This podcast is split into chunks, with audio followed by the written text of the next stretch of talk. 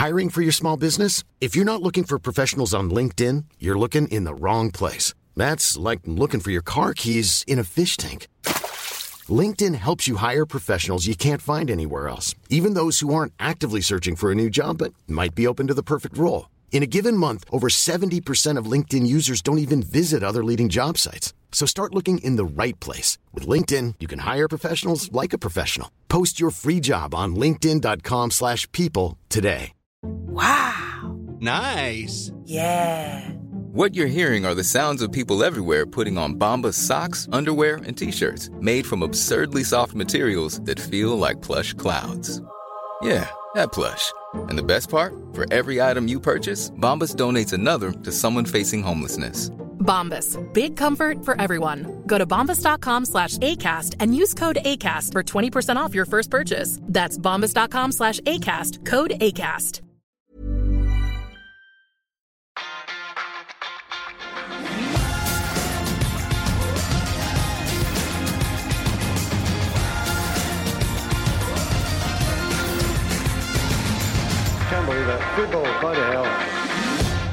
Velkommen til en ny episode av Uno. Skal vi kalle det en Isak spesial, for vi har med oss tidligere, tidligere Tromsø-spiller, Isak-trener og ikke minst United-fan Jonas Johansen. Velkommen, Jonas.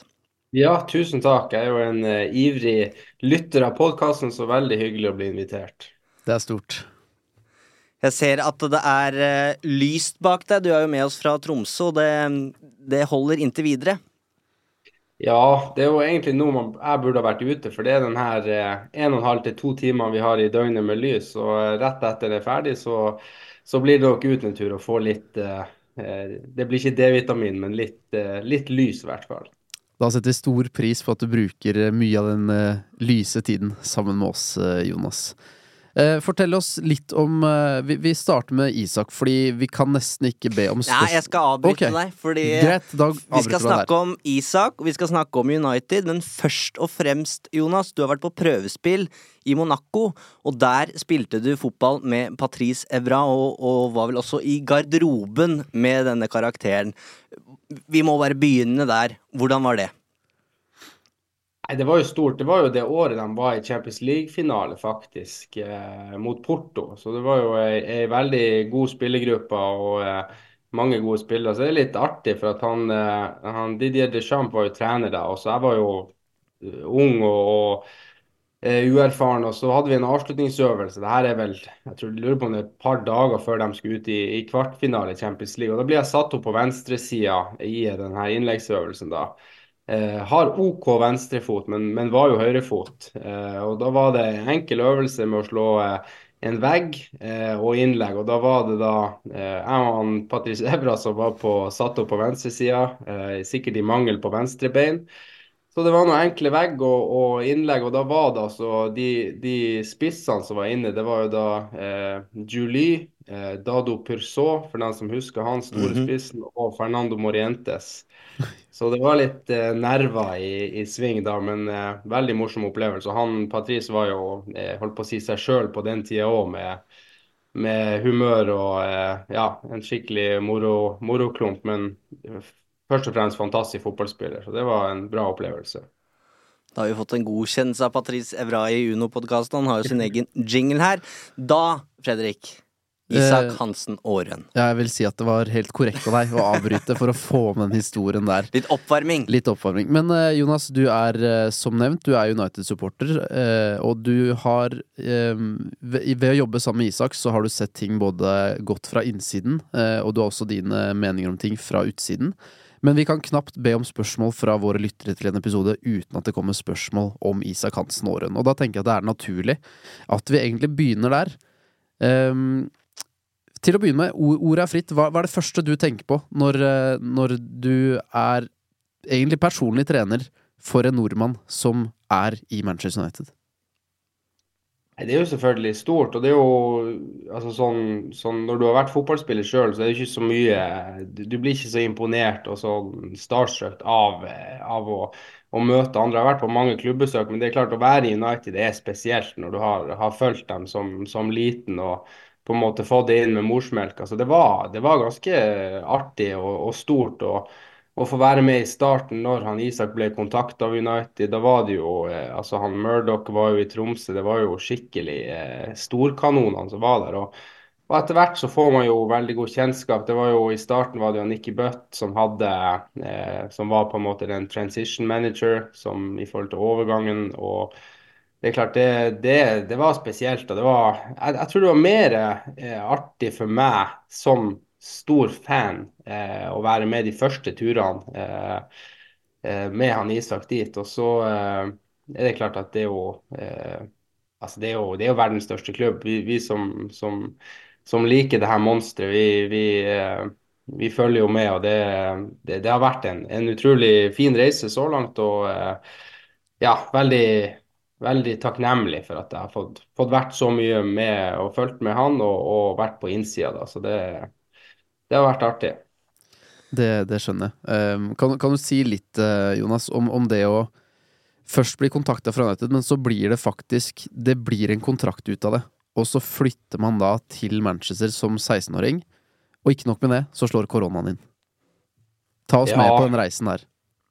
Nei, det, det, var jo altså Det, det starta ganske tidlig med Isak i, i forhold til interessen. Og vi, og vi, visste jo at de var eh, veldig veldig interessert i han. Og, og, som sagt, de sendte jo opp de, de ypperste kanonene for å eh, få ferdig forhandlingene og sånn. Og så, og så var det jo å begynne å tilpasse han da til å dra til England. og Han var egentlig eh, veldig motivert. Eh, veldig lite affekt av at han skulle dra dit. Eh, og husker jo at vi, vi, hadde han jo inn i avstand. Han, han, var jo tidlig inn og trente A-lagsfotball med TIL. Eh, og vi måtte jo gjøre mange ting i forhold til å eh, få hans skolegang for å få han gjennom ungdomsskolen. da. Så vi gjorde sånn at vi, vi, tok over en del av fagene hans. Jeg har jo lærerutdannelse, så jeg sa han ja, jeg kan jo hjelpe til med, med de fagene som han må komme seg gjennom, så at han kunne trene mest mulig fotball. Eh, så jeg ble jo engelsklæreren hans i starten, da. Eh, eh, og det var jo siste, siste året før han flytta. Da, da var det jo veldig enkelt. Da kunne vi jo på en måte ta hele United-historia. og da begynte vi jo. Jeg så jo han var veldig interessert i det. Vi gikk igjen da München. Vi gikk gjennom Eric Harrison, eh, Class of 92. altså all, Alle de tingene som jeg hadde eh, fått vært igjennom i min barndom. og Kunne jeg på en måte eh, lære han. og vet at, at de som, som altså Akademispillere United de er veldig opptatt av at, at, de må lære seg historien til United. Jeg så jo at han Isak var jo veldig interessert i det. Og det ga nok en fordel at vi i de engelsktimene En ting prater engelsk, han, han, er bra, han mestrer språket veldig bra, men at han fikk eh, holdt på å si, mye eh, kultur inn i de timene der som gjorde sånn at han nok var ganske forberedt. Og så er det jo selvfølgelig den her eh, flyttedatoen, hvor du faktisk må flytte fra familie og venner eh, i en så ung alder. Det er veldig tøft. Og så er det klart at å komme dit eh, Han har vært der mange ganger på besøk, selvfølgelig, eh, og var forberedt, men da må du inn i en, en familie, vertsfamilie. Og så er det plutselig eh, korona og nedstengning. Eh, og eh, jeg tror nok det er vanskelig altså du, Det er greit at du er i en stor klubb, men det er klart du kommer til en klubb som spiller, og så kan du ikke Det er ingen garderobe. Du får ingen sosialisering. Du får dra på trening, trene og reise hjem. Så jeg tror nok det var veldig tøft for han eh, å, å, starte på en måte en, en utenlandskarriere med, korona. Og så tror jeg i, på andre sida at han har kommet veldig styrka ut av det. Eh, han er veldig, veldig tøff mentalt, eh, men det er klart at det, det satt nok litt spor i det første. Det er alltid førsteinntrykket du, du, du sitter igjen med i lang tid, men det er klart at korona gjorde nok sånn at det, det tok litt tid for han og, og de fleste ungguttene som, som, kom på samme tidspunkt og, og tenke at det her var, eh, var en plass man ville være og utvikle seg. Og så har det jo selvfølgelig eh, blitt bedre etter hvert, men eh, jeg er i hvert fall veldig imponert over hvordan han har kommet gjennom den perioden der i, i så ung alder. Eh, vi kan snakke mye om eh, United-akademiet, Jonas. Eh, det har jo ligget med brukket rygg i i mange år etter at Ferguson kom tilbake, men jeg husker den reportasjen vi hadde med deg og, og Isak eh, oppe fra Tromsø. Det var Dag Langerød som var på besøk hos dere. Og Dere snakka jo mye om det opplegget som Isak hadde fått før på en måte avreise til Carrington, før, eh, før han skulle inn i Manchester United. Og det var det lett å la seg overbevise av. Eh, Og som du sier, de har sendt kanonene opp til, til Manchester. Nå har Isak vært der i, i noen år. Han har blitt 19 år. Eh, Hva kan du si om hvordan, hvordan eh, United jobber med talentene sine? Hva vil du si er status for akademiet, du som har vært på Carrington og sett det eh, med dine egne øyne? Mm. Ja, eh, det er, jo, det er jo da man skulle ønske man kunne si at det er eh, det beste akademiet i verden. Eh, nå har jeg vært så heldig at jeg har fått vært og, og reist mange plasser i, i både Spania og eh, Nederland eh, og sett hvordan Akami jobber. Eh, så, så jeg kan vel si at det, det jobbes like bra, om ikke bedre, andre plasser. Eh, og så er det litt om den kulturen som, som selvfølgelig United har for å produsere eh, egenutviklede spillere. Nå var det jo åtte stykk som var eh, egenutvikla i troppen mot Liverpool, eh, noe som, som, som er veldig gledelig. Eh, men jeg tror nok det, spesielt med Ten Hag inn, så hadde jeg trodd at det skulle eh, være litt lettere å, å komme seg inn. Og så, og så jobbes det selvfølgelig veldig bra, eh, det gjør det. Men, men jeg har noen ideer om hvordan det kunne vært enda bedre. Vil du som- dele? Nei, altså en ting er jo eh, fasilitetene på Carrington som har vært snakka om. Det, det, banene er helt super. altså Der er det ingenting å utsette. Det, er- det er topp kvalitet. Men det er klart at gymmen og setupen sånn ellers, det er ganske gammeldags. Hvis du sammenligner det med, med nyere historie med Aston Villa, hvordan de har bygd, eh, Villa Real og noen plasser som jeg har sett, så er det, det er litt høyere standard. Eh, og det, det er jo flere spillere som har vært inn, innom det. Selvfølgelig Ronaldo, som, som nok er i ypperste klasse. Men, men det har noe med profesjonaliteten og hvordan eh, utviklinga går. Eh, I forhold til de her u- u- ungdommer som skal innom et eh, testbatteri eh, av øvelser. Eh, ressurser i forhold til, til sports science og alt det her. Jeg, jeg tror United er litt eh, på hellene, faktisk, i forhold til de, de som driver aller best. Og så er det jo sånn at de, de som, som kommer seg gjennom eh, nåløyet og blir best, de hadde nok blitt det uansett. For det, det er den indre motivasjonen og driven som, som gjør det. Og, eh, så, så de kommer seg gjennom. Men jeg tror enda eh, flere spillere kunne ha gjort det hvis, eh, hvis setupen hadde vært enda litt bedre. Så eh, det, det er jo selvfølgelig sammensatt, men, eh, men det, det jobbes bra for all del. Det gjør det. Det viser jo, det viser jo tallene også. Bare ren nysgjerrighet, Jonas. Eh, Du legger jo merke til dette med dine egne øyne. Eh, Hører du også noe snakk om at spillere også påpeker at dette er på en måte ikke godt nok eh, for oss som representerer United? Er det også snakk om at fasiliteten må oppgraderes internt? Nei, det tror jeg ikke. Det, det er i hvert fall ikke noe jeg har hørt om, men jeg jo, kan jo tenke meg at, at når én kommer ut og sier det, så er det som, som, som regel vanlig å melde seg på. Det er jo det er klart at for en, for en gutt fra Tromsø som, som flytter dit fra et TIL-akademi som er blant de, kanskje de beste i, i Norge, eh, så kan jo ikke det sammenlignes med United. Der er det jo en stor, stor overgang og forskjell i forhold til ansatte, i forhold til oppfølging osv. Så, videre. eh, så eh, det, det er jo veldig bra, det er det. Men jeg tror det kunne vært eh, lagt enda mer økonomi, eh, enda mer ressurser i det, så hadde det nok eh, sett enda bedre ut. Vi beveger oss over til millionspørsmålet, Jonas. Fordi, eh, som Fredrik sier, vi får alltid spørsmål om Isak, og det handler som regel om hva som skjer videre. Når skal Isak få sjansen? Nå har han vært eh, et av Uniteds største talenter eh, helt siden han kom som 16-åring, vil jeg si i hvert fall. Eh, han har eh, fått sjansen for første gang mot eh, Rayo Vallecano og markerte seg på Ullevål med målgivende. Blitt eh, 19 år, og vi ser han jo på førstelagstreninger nå og da. Eh, og nå eh, nærmer det seg et januarvindu, Jonas, eh, og etter hvert også en sommer, som eh, betyr at den nåværende kontrakten til Isak eh, går ut. Eh, hva kan du si om, eh, om hva fremtiden bringer for, for Isak per nå? Jeg kan si at det blir en veldig spennende periode, og en viktig periode. For det er jo noen valg som skal tas. Selvfølgelig fra, fra hans ståsted. Og så er det jo klubben også. Så jeg vet at klubben har lyst til å, å forlenge med han. Og så er det jo tusenkronersspørsmålet, millionspørsmålet om eh, det er gunstig for hans utvikling eh, i forhold til at han er i en alder nå hvor A-lagsfotball blir viktig. Eh, når du er 19, så, så, burde du komme inn i et miljø der du er nærmere A-laget. så det er vel ikke eh, Altså, jeg kan bare si min anbefaling, og min anbefaling til han har vært at han burde komme seg inn i et miljø som han kan spille førstelagsfotball, eller være nærmere førstelagsfotball.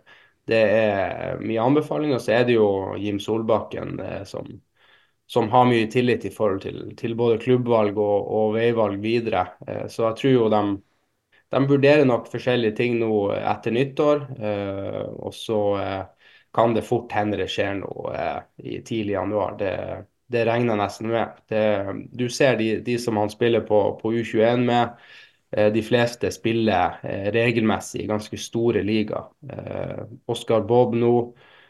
Eh, du ser med en gang han har fått eh, de tre-fire første kampene med tillit for en utvikling han har hatt, og nå rett inn på A-landslaget. En viktig brikke i i et, eh, et City, en City-tropp. da. Så det er, det er, nok ikke så lang vei som, som man, han kanskje føler sjøl.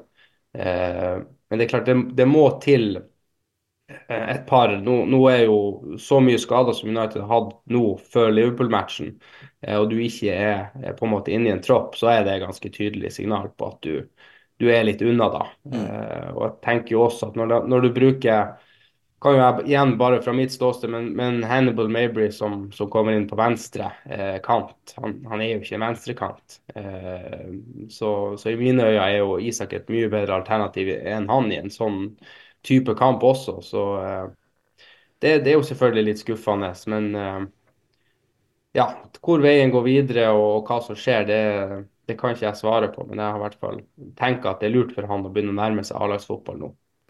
Jeg har noen uh, hypoteser når det kommer til januar, Jonas. Det blir på en måte, I og med at han er på utgående kontrakt, og vi vet også at interessen for Isak er stor, han er et stort talent og er ettertrakta, så tenker jeg i hvert fall i mitt hode at enten er det kontraktsforlengelse med United og et utlån, enten så er det en permanent overgang, eller så er det at han blir lova spilletid og også skriver en ny kontrakt og blir værende i United. Jeg tenker at alternativ tre er den minst, minst aktuelle. Uh, men for å få det med seg, da. Du tenker egentlig at for hans karriere så er det best å nå finne seg et miljø der han får spille fast, altså å forlate Manchester United? Ja, og det er veldig tungt å si. Mm. Men uh, i, i, forhold til, til vår relasjon og, og tillitsforhold, så, så, vil jeg si det er det beste for mm. han. Uh, altså skulle jeg gjerne ha sagt at alternativ tre var det beste, eh, men da hadde jeg løyet til meg sjøl, fordi at det ønsker ønskescenarioet. Og så viser jo historien at det er mange eh, veier til Rom. Eh, mange sa det var feil av Ødegaard å gå til Real Madrid. Mm. Eh, jeg holdt på å si, Nå har vi fasit. Nå er han kaptein på, på et topp to-lag for øyeblikket i, i, Premier League. Så eh, helt rett å gå til United. Mm. Nå tror jeg vi er i et veiskille. Eh, og så som, som, flere så, så er jeg òg veldig spent på eh, hva som skjer i januar. Ta meg litt med bak i kulissene når det gjelder Vi har snakka med en del folk som jobber i United, eh, og som er, har vært tett tilknytta Isak, og vi får utelukkende positive tilbakemeldinger på hvem han er som person, og hvordan han har prestert eh, på trening, og når han da også har trent fast med A-laget.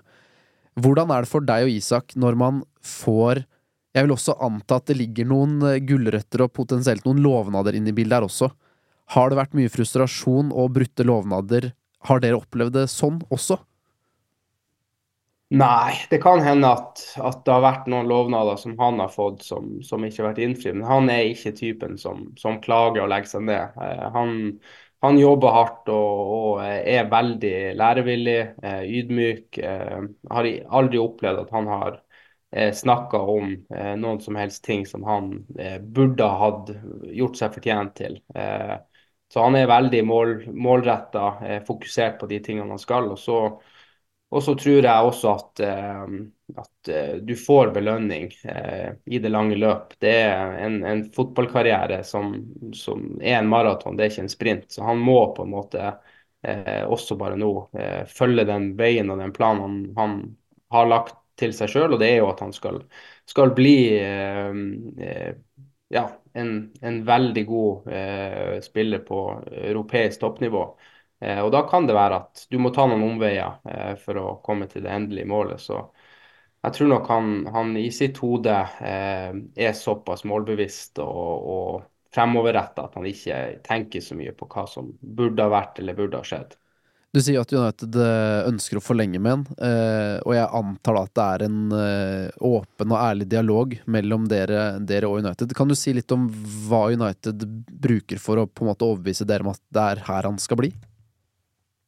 Jeg tror jo jeg ikke, det, det, er stort sett han Jim som, som snakker mm. med United. Og så tror jeg også han Isak har et veldig avslappa forhold til eh, både kontrakt eh, og eh, fremtid. Så han på en måte, han er veldig eh, opptatt av å leve i nuet, eh, leve i det her eh, det er bobla. Han er nok vant fra å leve i det siden han flytta dit med, med korona. og det er klart Han får sikkert uendelig med forespørsler fra både kompiser og, eh, og media i forhold til hva er veien videre. Men, men sånn som jeg kjenner han, så er det bare én eh, vei, og det er eh, fremover. Så jeg tror ikke han blir så påvirka over eh, ja, forskjellige ting han blir spurt om. Men det, det er nok mer eh, omgivelsene som tenker eh, ja, tenker mest på fremtida. Så tror jeg nå at, at det blir noe å skje noe i januar, og så og så tror jeg eh, så tror jeg han fort, fort kan, kan, være inne og, og, og spille på et, eh, et, et eh, høyt førstelagsnivå. Det er i hvert, fall, i hvert fall, det jeg håper på nå. Så,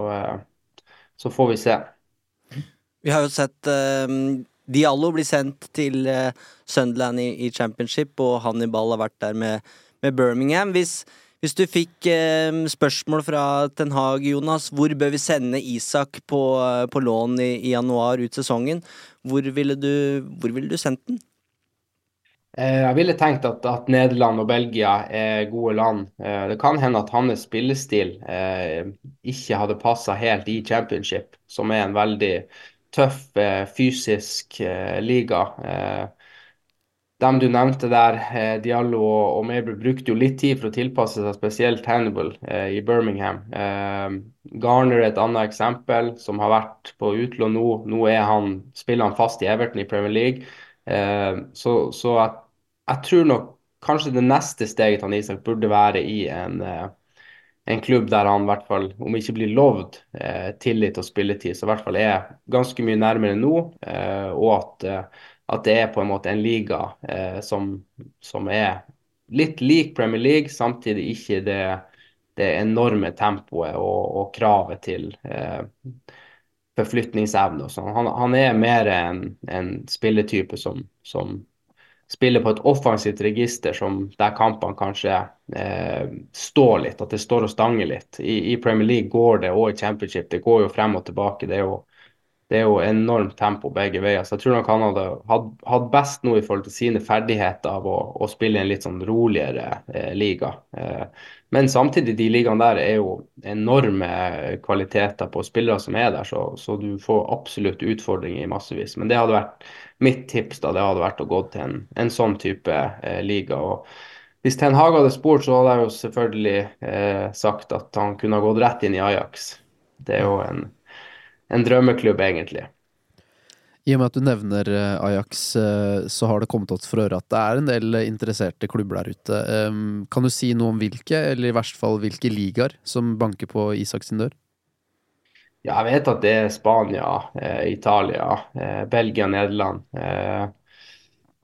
Danmark. Så det er, det er jo klubber som, som, følger han veldig tett. og det er klart at Han gjør det jo veldig bra når han spiller eh, landslagsfotball eh, og bemerker seg veldig der. Så eh, han er ønska av mange klubber, vet jeg. Så eh, kan jeg vel ikke være så veldig konkret. Men hadde det, hadde det vært eh, sånn 100 eh, fast uten at rykte, så hadde jeg sagt det. Men, men det er de, de landene der da mest.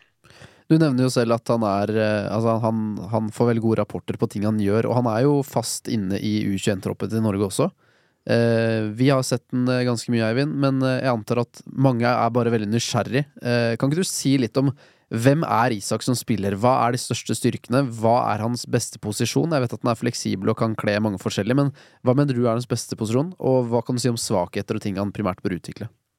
Ja, altså han, han, er jo, han, er jo, mest offensiv, da. Eh, siste, eller det første eh, I fjor, første perioden av sesongen, så ble han brukt litt i dyp, eh, i, en, en toer dyp. Og Han kan spille der òg, som du sier, veldig fleksibel. Kan spille i, i de tre offensive rollene i en 4-2-3-1-formasjon. Eh, altså Kvalitetene hans er jo han, han er veldig god til å skape overtall.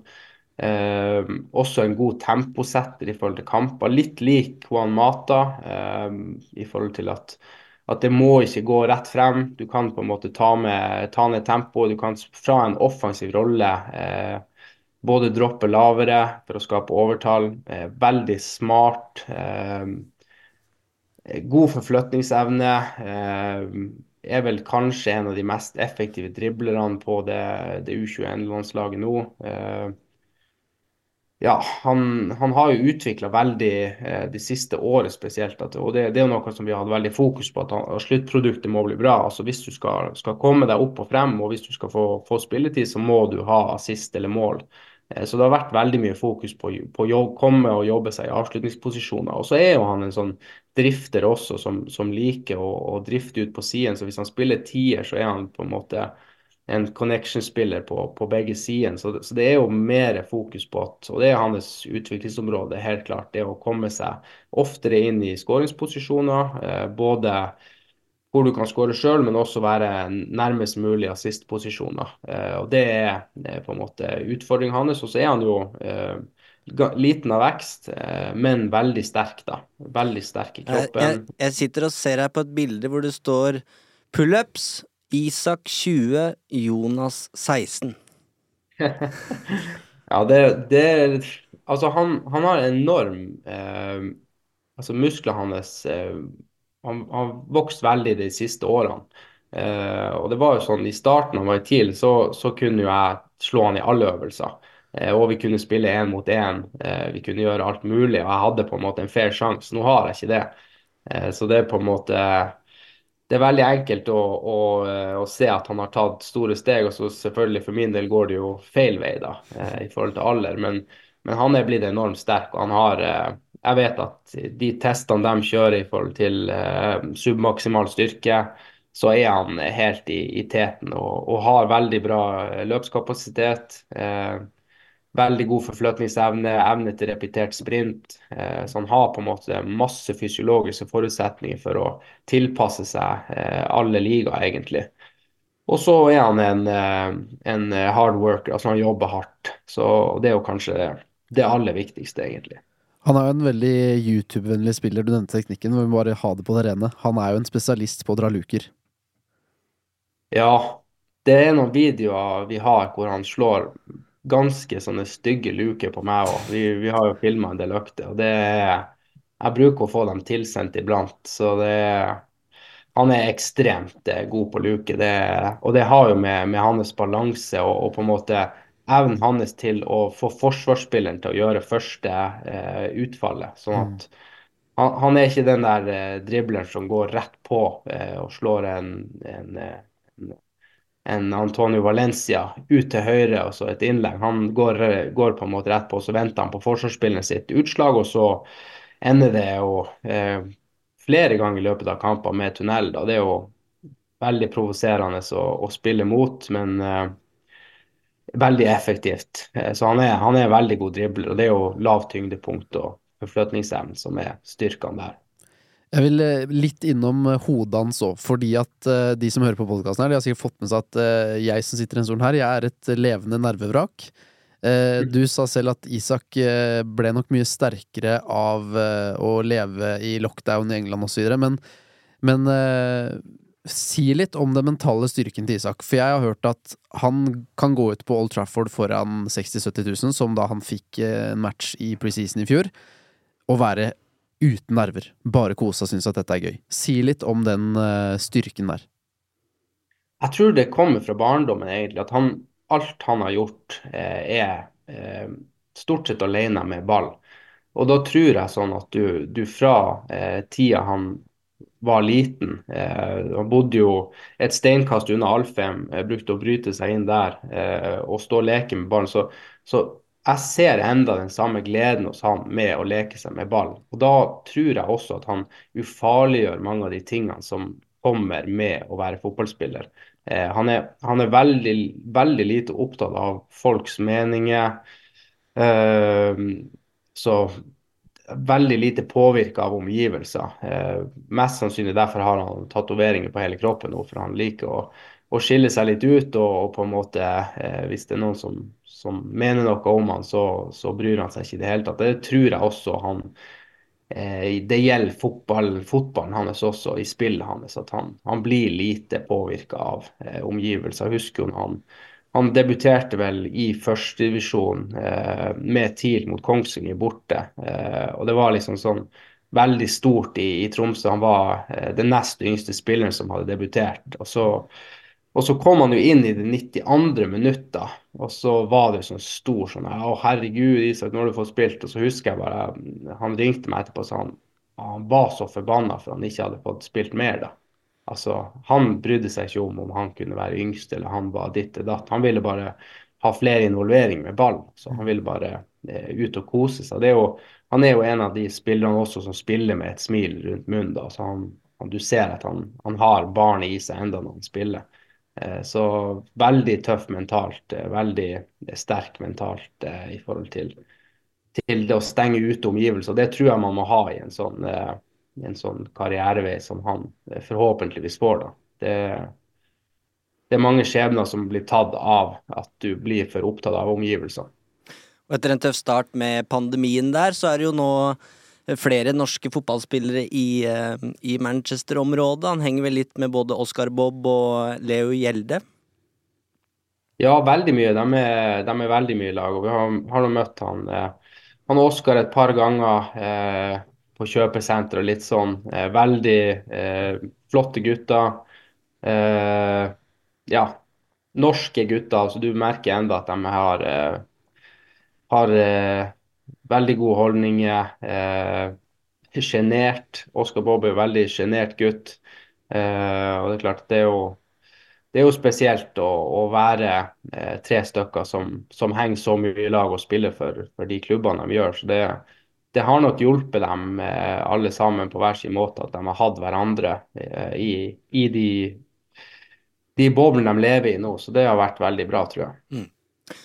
Så får vi se hva fremtiden bringer, om vi får se Isak et, på et utlån, eller om, om det blir en, eh, en, noen sjanser på Old Trafford. Det må jo være motiverende da, å se hvor Altså, det er ikke så lang vei nødvendigvis til at man har slått gjennom. Oscar Bob har fått noen minutter av Guardiola, så er det plutselig på landslaget. I United så har vi Kobi Maino, som, eh, som plutselig er inne og, og, spiller fra start på, på Anfield. Så det er ikke nødvendigvis så veldig langt opp. Det er bare det å få den muligheten.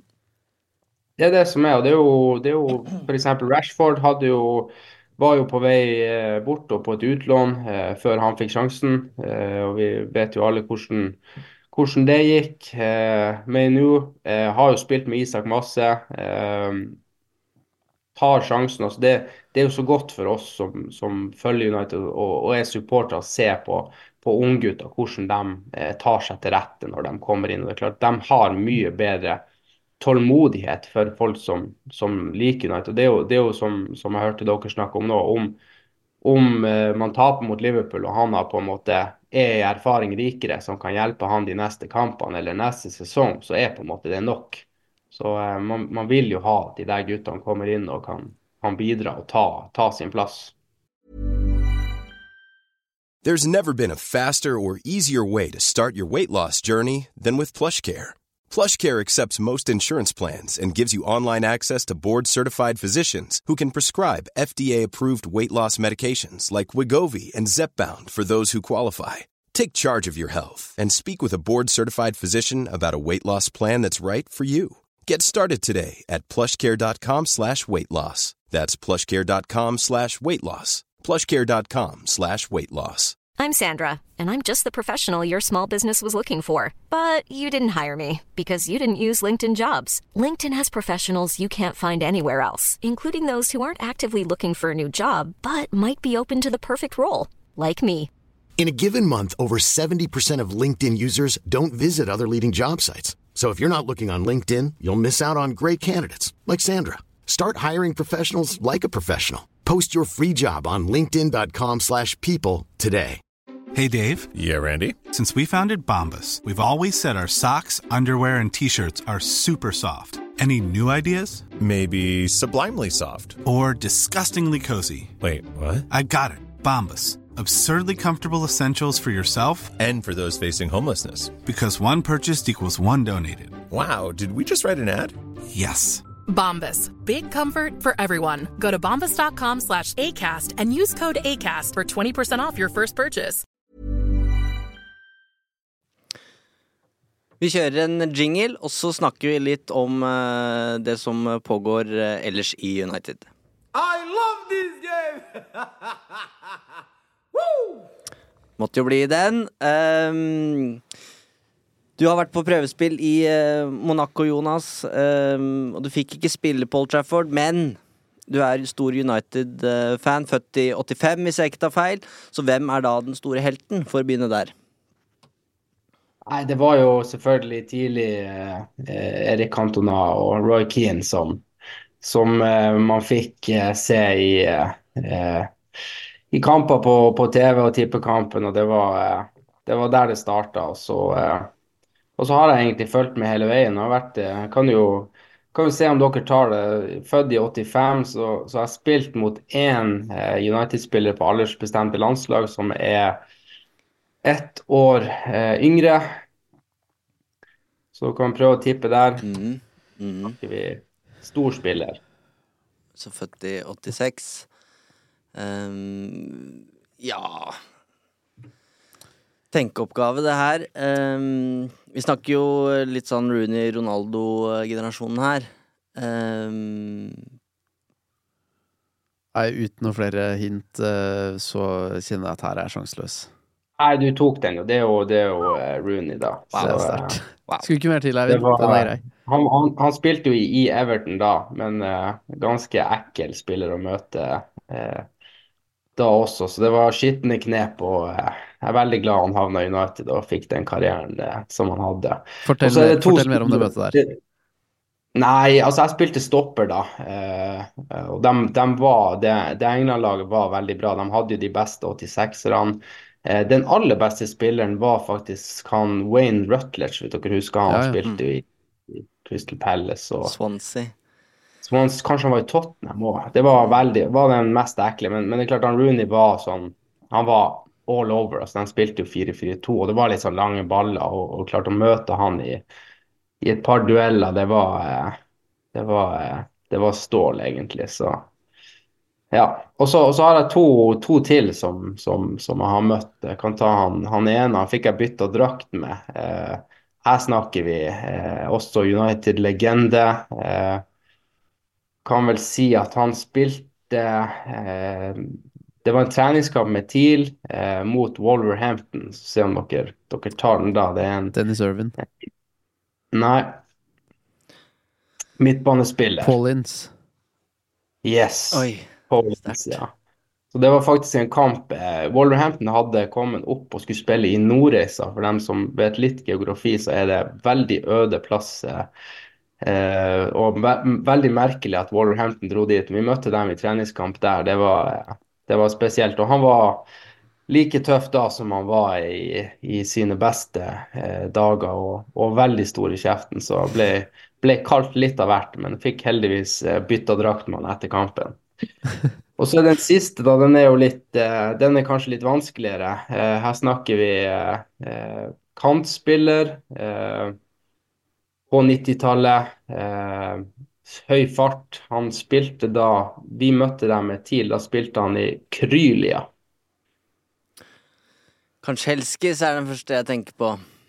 Ja da, rett igjen. Yes. Så det var jo veldig kult å møte Andrej Kansjelskis. Eh, Det var ikke så mange, husker jeg, på laget som, som visste helt hvem han var, men vi som hadde fulgt United, det var jo ganske stort. Mm. Han, han hadde en sånn rutine, eh, for dem som vet, i La Manga så er det et styrkerom, og så er det et basseng. da. Så hver morgen klokka seks så var han eh, og svømte én time. Så eh, jeg var ofte, eh, i hvert fall den siste halvtimen, og bare eh, svømte litt før frokost for å, for å se hvordan det var. Da, da var han godt over 40 år, altså, Ja. og fortsatt helproff.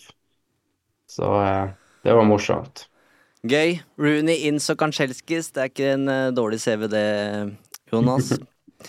Ehm, og i voksen alder så har du jo da fått uh, egentlig oppleve det alle United-fans drømmer om. Komme på innsiden og se hvordan denne fotballklubben opererer. Uh, og vi, vi starter bare veldig åpent. Vi, Jonas, hva, hva tenker du om tingenes tilstand på Old Trafford?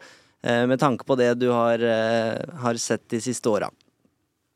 Ja, eh, det kjedelige svaret er jo at det er jo sammensatt. Eh, problemene er sammensatt. Det går jo på eh, det store kommersielle monsteret som United er. Det går på spillerrekruttering. det er et stort spørsmål. Men, men hovedproblemet er jo at arven etter Ferguson er jo umulig. Altså Der må bare vi som som er supportere, har fulgt klubben. Man må eh, bare legge lista litt fra seg, egentlig. Og så, og så var det vel kanskje du, Eivind, som sa det siste sist pod dere hadde, at det man ville se fra en United-spiller, var på en måte innsats.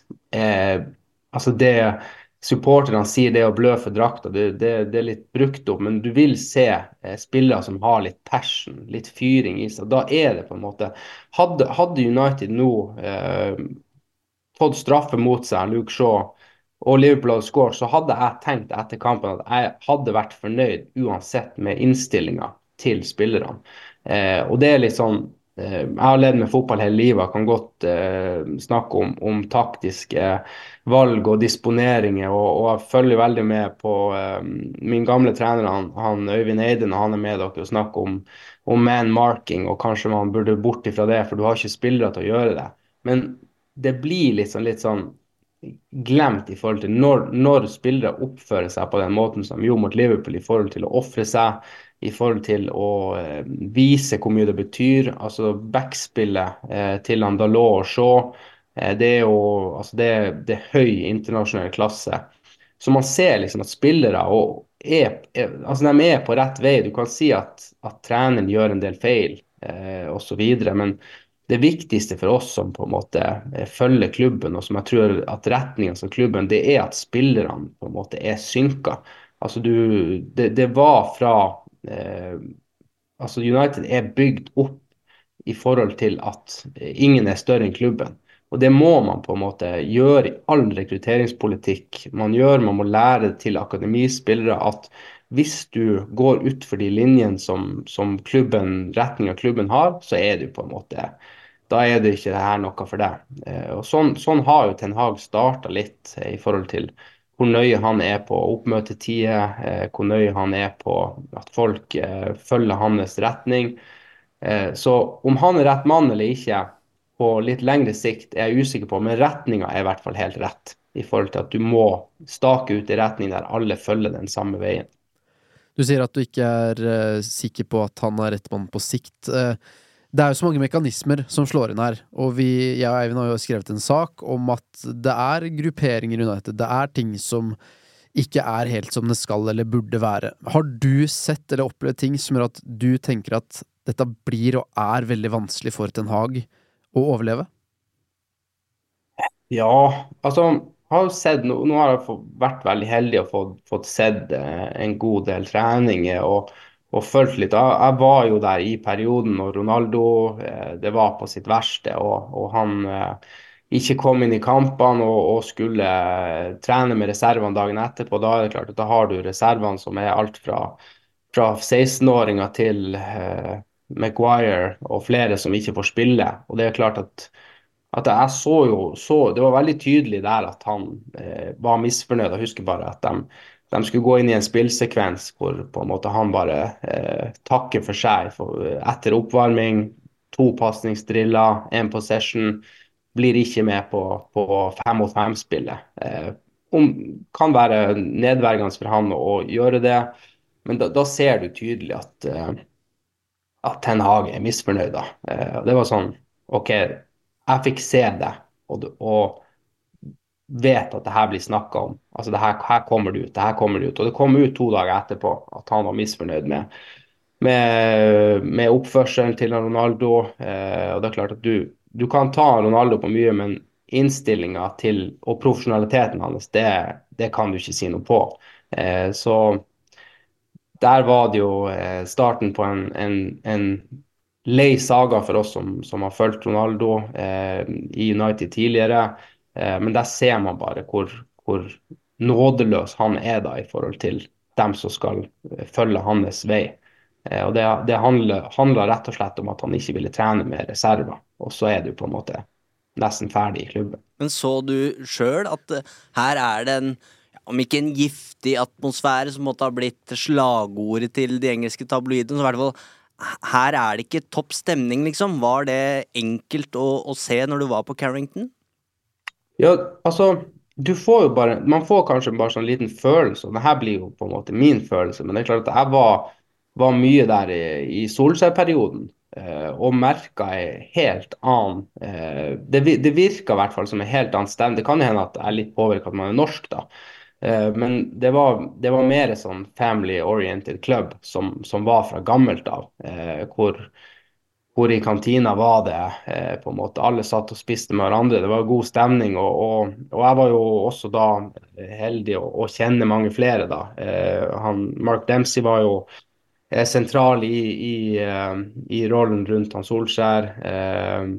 Higgins han heter, han eh, keepertreneren. Så han var jo liksom et team som kom fra, fra Norge. Og jeg var jo jeg, Bare kjapp, morsom ting. Det var jo eh, Solskjær hadde jo kontor på samme plass som, som, Ferguson bygde sitt, så det er liksom inne i hjørnet i kantina.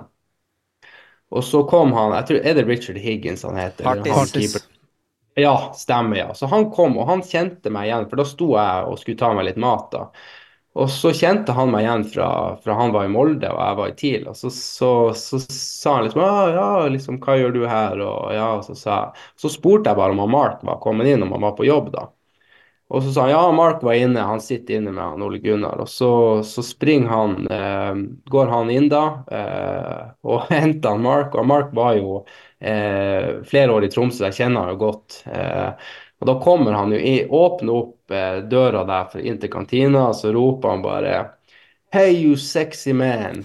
Og da sitter jo Det sitter altså det, De fleste var kommet inn i kantina da og, og satt og spiste, og så kommer han bort og liksom gir meg en klem, og så sier han liksom ganske høyt da, det, var, det jo ubehagelig, men You're way too pretty to play football, you. Og så, og så, og så går jeg og setter meg ned, og så kommer han eh, han Erik Bailly to-tre minutter etterpå spør Who are you really?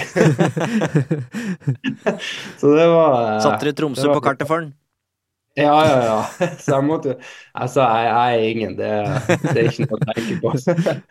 Men uh, det, var, det, var, liksom litt sånn uh, om, om ståa og humøret som var. Det, det var veldig sånn avslappa forhold. Du merka på, på nesten så du merka på de ansatte at det var, det var, veldig god stemning når Ole Gunnar var der. Eh, kanskje, kanskje, det er litt siden man er norsk også, men, men det, det, virker litt mer sånn eh, militærsk eh, de siste gangene jeg har vært der. Eh, og kanskje det er sånn det skal være, men eh, historisk sett United er jo en, en, en, veldig åpen og inkluderende klubb, og det har jo alle som, som har vært ansatt der i mange år og har skrytt av det, at det har vært ei retning. Og så klart du har hatt mange eh, tøffinger som har vært inne med Fangal, eh, Moyes i starten, Mourinho. Så det har vært tøffe utskiftninger som, som har nok ramma mange av de som, som har vært bærebjelkene eh, i klubben. Og det er mange som, som sier det i forhold til de her kantinemedarbeiderne, vaskere, alt mulig. Altså, de er så viktige i en sånn klubb. Det er så det, alle skal, må, må, kjempe mot det samme målet. Og det, det er nok Jeg, jeg merker i hvert fall at det kunne være litt mer sånn fiendtlig nå, da. Du eh, var innom Solskjær, jeg vil tilbake dit etterpå. Men eh, når var ditt forrige besøk på, på Carrington, og hva, hva, kan du si om stemninga som var i klubben da? Eh, det var ganske bra. Det var Når var det? Det kan ha vært i mai. Eh, mai eller juni. Eh, veldig god stemning. Eh, da hadde liksom de Han Isak trente mye med A-laget. Jeg hadde med min far og min sønn. Min sønn som, som er syv år. Som fikk møtt mange av guttene. Eh, fikk snakka litt med Meino, som eh, Er han like god gutt som vi, vi hører at han er? Ja, absolutt. Eh, veldig sånn stoppa og prata med, med, med han Jonathan, da, eh, som er syv år. Spurte om han spilte fotball og eh, ja, hvem som var favorittspilleren. Så vi fikk noe eh, Han er veldig fornøyd med, med det nå, da, etter han har slått igjennom. Det var ikke så viktig da, da. Så, eh, men da, da var det egentlig veldig bra stemning, og, og du, du, de gjorde det ganske bra litt sånn periode. Og så er det jo Fotball er jo ferskvare. altså Det går uka til uka. Eh, og du, du som spiller er jo eh, aldri bedre enn din forrige kamp heller, så, så det er et sånn konkurransemiljø og et jag etter å, å være bra. og det, det må det være i en sånn klubb. Men, men akkurat når, vi, når jeg var der sist, så var det eh, egentlig veldig bra stemning. og da da var vel egentlig Det var vel en periode Rashford og flere gjorde det ganske bra. Eh, så eh, da, da blir det god stemning. Vi, eh, vi har snakka flere ganger i podkasten om at hvis på en måte Ten skal, skal overleve, så må han også få lov til å rydde opp på sin måte. Og du snakker litt om militær måte å lede på. Eh, og at den kursen han har staka ut, sannsynligvis er den rette, men at ikke han nødvendigvis er den rette.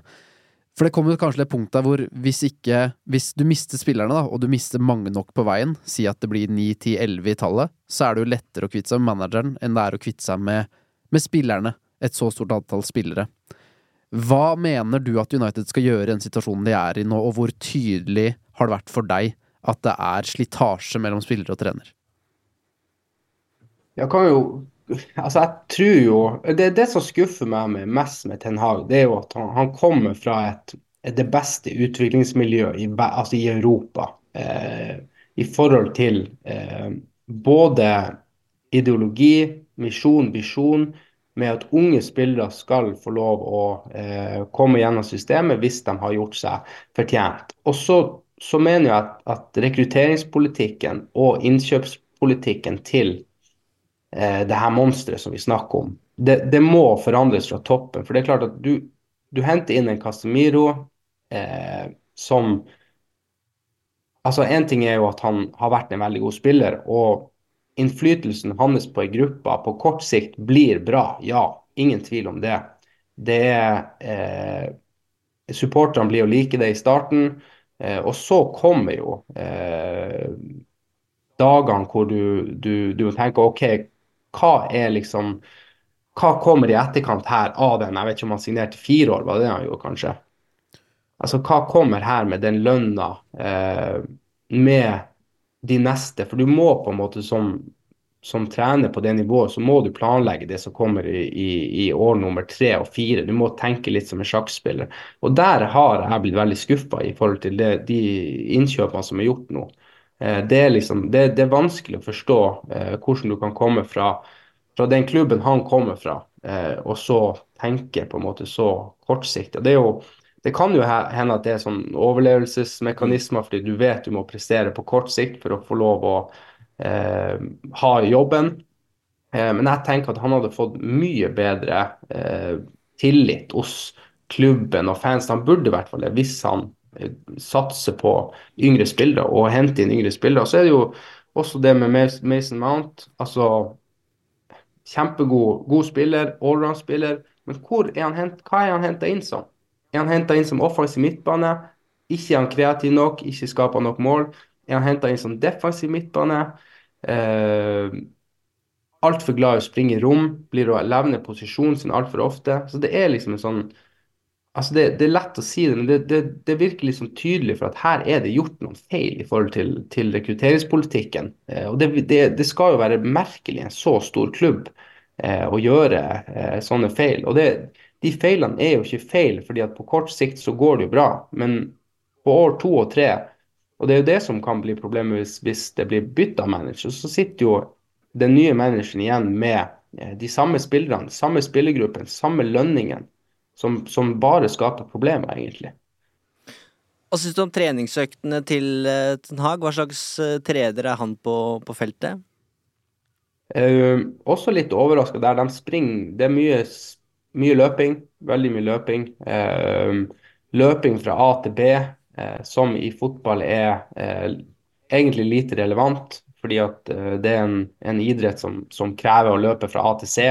Du vet egentlig ikke hvor du skal. Så jeg er veldig overraska over at han kjører ganske mye løping, eh, som også kan eh, være et type irritasjonsmoment eh, overfor spillergruppa. Eh, og nå vet jeg at det har kommet ut en del ting eh, i nyere tid med at spillere er veldig eh, lite eh, mottagelig og motivert for å gjøre en del av de treningene han har. Eh, og Så kommer det ut ofte noen videoer ser jeg hvordan de spiller firkant, eh, hvor du ser at det, det kanskje ikke er på det aller ypperste nivået. Eh, og det er klart at det du, du, du må gjøre på trening det du skal gjøre i kamp. Så jeg var i hvert fall sånn fra, fra mitt eh, eh, I forhold til min utdannelse og, og generell kompetanse om fotball, så er jeg litt overraska over at de driver mye løping uten ball. Det, det kan hende de vet om noe forskning som ikke, som ikke jeg vet om i, i nyere tid, men jeg syns det overrasker veldig. Og det vet man jo eh, som, som spiller sjøl at det, det ikke var særlig populært å, å drive mye løpetrening. Hvilke flere observasjoner har du gjort deg fra, fra det som foregår på feltet på, på Carrington, i form av harmoni og samhold og mer om treningsøkter, hvis du har noe mer du vil dele? Skåres det noe mål der? For det er dårlig med det i kampene. Ja, det, det skåres en del mål. og det er jo, han, han Benny McCarthy kjører jo spissene på, på mye avslutning, og de får mye isolert trening. Eh, og Så må du selvfølgelig komme til de sjansene for å kunne, men, men det, det drives jo mye bra eh, rollespesifikk trening. Skal ikke si jeg har sett så altfor mye, men, men jeg vet at de har veldig fokus på det. Eh, og så og så er det jo spilletyper det, det kommer ned til i bunn og grunn. at Om, om du har spilletyper som, som passer den eh, stilen han spiller, eh, og om eh, spillerne kjøper eh, det du, du, prøver å påvirke. da. Og det, det syns jeg jo Det vises jo noen kamper i forhold til både valgene han gjør som trener til, til eh, hvem som skal spille, men også eh, noen taktiske valg som, som ikke samsvarer helt med det virker som spillergruppa har lyst til. da. Si ifra når du skal over igjen, da, så slenger jeg og Fredrik oss på når du mellomlander på Gardermoen. Uh, vi, vi, får jo se uh, 15 minutter av disse treningene før Champions League-matchene, men det er jo samtlige involverte klar over.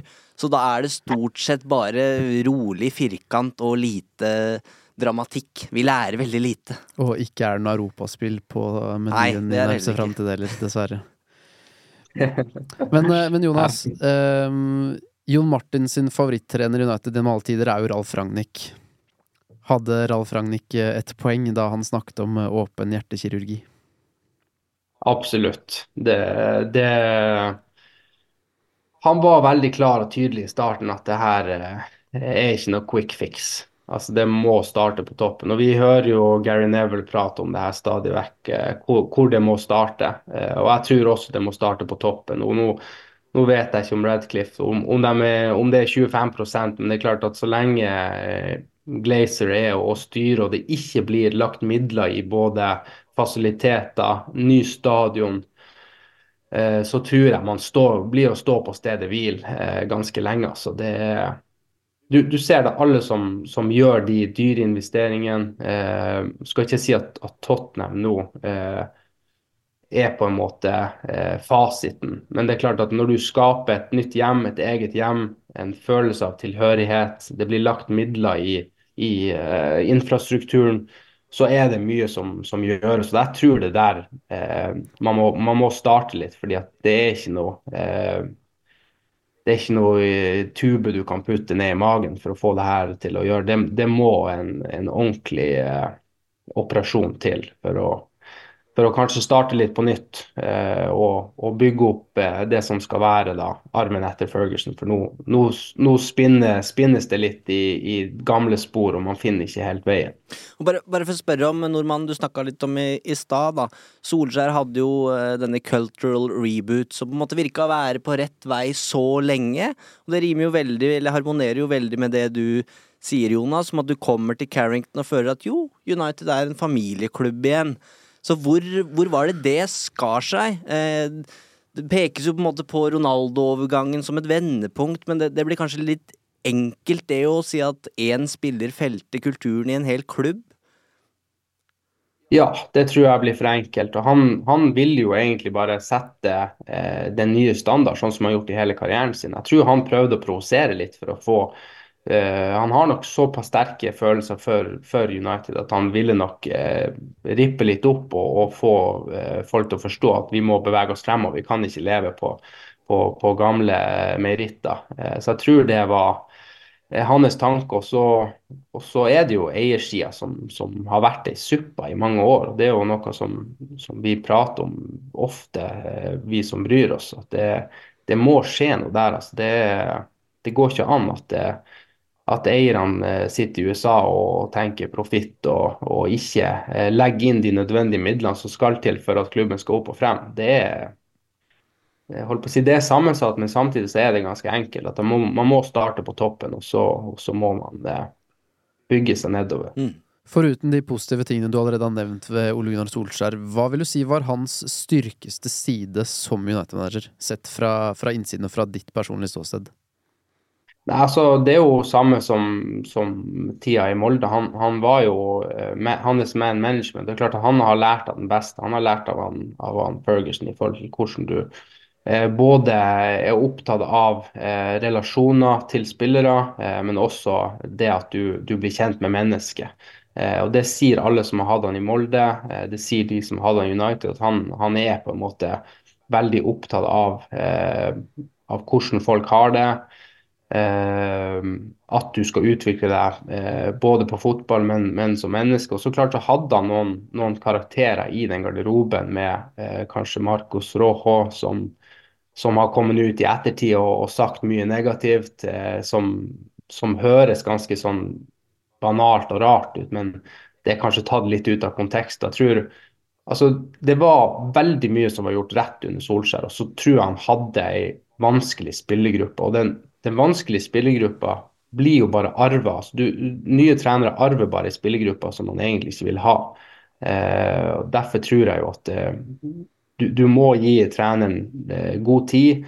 Eh, ser man historisk sett på de resultatene både Mourinho og Fangal eh, Solskjær har hatt, så er det jo, det er jo bra resultat. Altså, du, du har hatt eh, trofeer og du har hatt finaler. Eh, forhåpentligvis er det jo ikke sånn at vi ser på om, om to eller tre år, hvis eh, kurven fortsetter sånn som det går nå i forhold til resultat, og så, og så blir det på en måte referansen vår var den tida det føltes eh, holdt på å si, et dårlig resultat å få en andreplass i Premier League, eh, er kanskje eh, De har jo i ettertid sagt, Fangalo og Mourinho, at det var på en måte deres største prestasjoner. Fordi at de vet hvor mye som har vært galt i klubbene, da. Mm. Merker eh, vi, vi, vi, går mot slutten her nå, Jonas, men jeg, jeg sitter fortsatt med Når du liksom sier det at de også merker ting som er galt. Eh, Tror du Isak merker noe til hva som er galt i klubben i, i sin hverdag i Manchester United? Ja, det vil jeg tro. Samtidig så er han så lojal at han eh, aldri vil si det til noen eller eh, holde det for seg sjøl. Så eh, de merker nok mye. Jeg vet at spillere snakker mye internt, sånn er fotballspillere. Eh, og så eh, tror jeg at de, de ungguttene er bare fokusert på å tilrive seg mest mulig erfaring og, og eh, bli bedre hver dag. Det er jo det som, som de må ha i, som mål. Og så eh, blir jo de sikkert òg påvirka av eh, alle tingene som skjer rundt, men, men du må i hvert fall eh, du, du, må ikke bli eh, påvirka av altfor mye, for det er klart at det, det snakkes. og det alle vil eh, ha en mening om deg og hvordan det går, så jeg tror du bare må stenge ut alt det. Så jeg, jeg tror ikke han er noe fokusert på det i det hele tatt. Nå hopper jeg mellom eh, nordmenn her, eh, fra Isak tilbake til Ole Gunnar. Eh, la du merke til noe som, som Ole Gunnar innførte, og som Ten Hag enten har videreført eller fjerna? Uh, nei, men, men, jeg vet jo um, hadde en lang samtale med han Kieran McKenna uh, for noen år siden der, uh, hvor han hadde da blitt tatt opp i systemet til han eh, Mourinho i, i forhold til A-teamet og kom inn der. Eh, og han fortalte veldig tydelig at når eh, van Gaal var der, så var det innført eh, en sånn eh, eh, policy i kantina da, at, eh, at han var på en måte Når han satte seg ned og spiste, eh, så var det A-spillerne skulle spise. Da kunne de spise. Eh, også når han var ferdig, så kunne spillere dra hjem. Og det er klart at det går ikke. Og, og hvis du ser på de spillertypene som var der da, så var jo Di Maria der, eh, argentiner. Veldig familie, glad i familie, elsker å grille. Eh, eh, så han ville nok bare trene, eh, spise, komme seg hjem. Kanskje, kanskje ta med seg hjem mat, til og med. Eh, så jeg tror kulturen passa ikke en del av de spillene som var der da. Og så vet jeg at Mourinho innførte en policy i kantina hvor eh, det var de første bordene var til A-teamet hans, altså trenerteamet. Eh, bord nummer to og tre var til spillerne, og så kom akademibordene etter hvert. Eh, det vet jeg at Ole Gunnar fjerna med en gang. Han sa at det her er, eh, kantina er for alle, og da kunne alle sitte og spise sammen med alle. Og det merka jo jeg når jeg var der. da da kunne man sitte på bord med, med han McTominay og han Luke Shaw, som, som for øvrig var veldig rask i kantina. Han var alltid først. Så, så han var først oppe fra trening eh, i hvert fall tre dager på rad og tok seg mat først. Så du, du ser vel kanskje det litt på kroppen hans òg, selv om han har masse power i seg. Men det var veldig sånn familie, familiefølelse når han var der. Så jeg tror han, han gjorde nok bringte vel litt sånn kulturen tilbake. Så vet jeg også Mourinho på de to treningsbanene til A-feltet, så bygde han jo inn eh, eh, store vegger. Fordi at han trodde at folk skulle filme eh, treningen hans. Eh, og da, da har jo alltid Carrington vært bygd sånn at du skulle ha U6, U8, U10, U12. Så veien på Carrington skulle være en sånn vei som leda inn til Hvis du fulgte alle steg, så skulle du inn på A-banen. Men nå var det på en måte vegger der. Eh, og det er det enda. Eh, det burde de faktisk fjerne. For da kan de seksåringene og åtteåringene stå og se at A-laget trener der borte, at de ikke er eh, inngjerda da. Tenk om han hadde sett Bielsa i buskene der. Oi, oi, oi. Tusen takk for at vi fikk stjele den ene timen med dagslys i Nordens Paris, Jonas. Det ser jo ut som det fortsatt er ganske lyst hos deg, faktisk. Det er det, så nå blir det på med joggeskoene en liten tur. Det blir deilig. Er det noe du vil legge til sånn helt til sist, som du tenker at dette burde dere spurt om, gutter, eh, og så hjelper oss likevel? Kommer du på noe? Nei, jeg tror det var Syns du har jobba bra, Fredrik. Nå har jeg tyna Ja, Mange veldig bra. spørsmål. Veldig bra levert, Jonas. Nydelig å ha deg med. veldig bra. Veldig hyggelig å bli invitert, dere. Setter pris på det. Tusen hjertelig takk for at du stilte opp, Jonas.